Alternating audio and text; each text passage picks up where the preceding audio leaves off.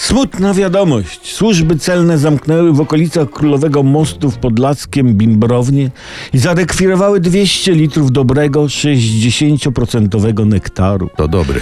Funkcjonariusze zatrzymali 74-latka, więc producenta doświadczonego, znającego swój fach mistrza, spadkobiercę, a jednocześnie przekaziciela cennych tradycji pędzielniczych. Zamknęli, można powiedzieć, uczelnię i profesora, dzbany jedne. Hańba. I co ten mężczyzna będzie teraz robił? Pędził woły do Ohio?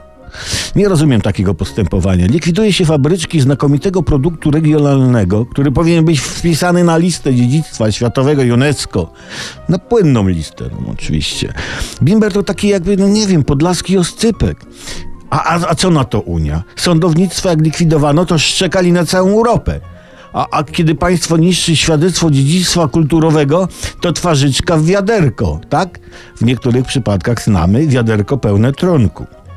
Po co likwidować leśne bimbrownie? Te nasze ostoje tej naszej kultury. Kultury jednocześnie materialnej i niematerialnej, gdyż taki charakter ma bimberek, bo wpływa i na ciało, i na duszę.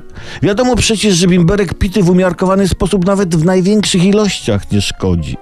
Bimber pijesz, dłużej żyjesz. Pijesz monopolówkę, to tracisz główkę, tak się mawia.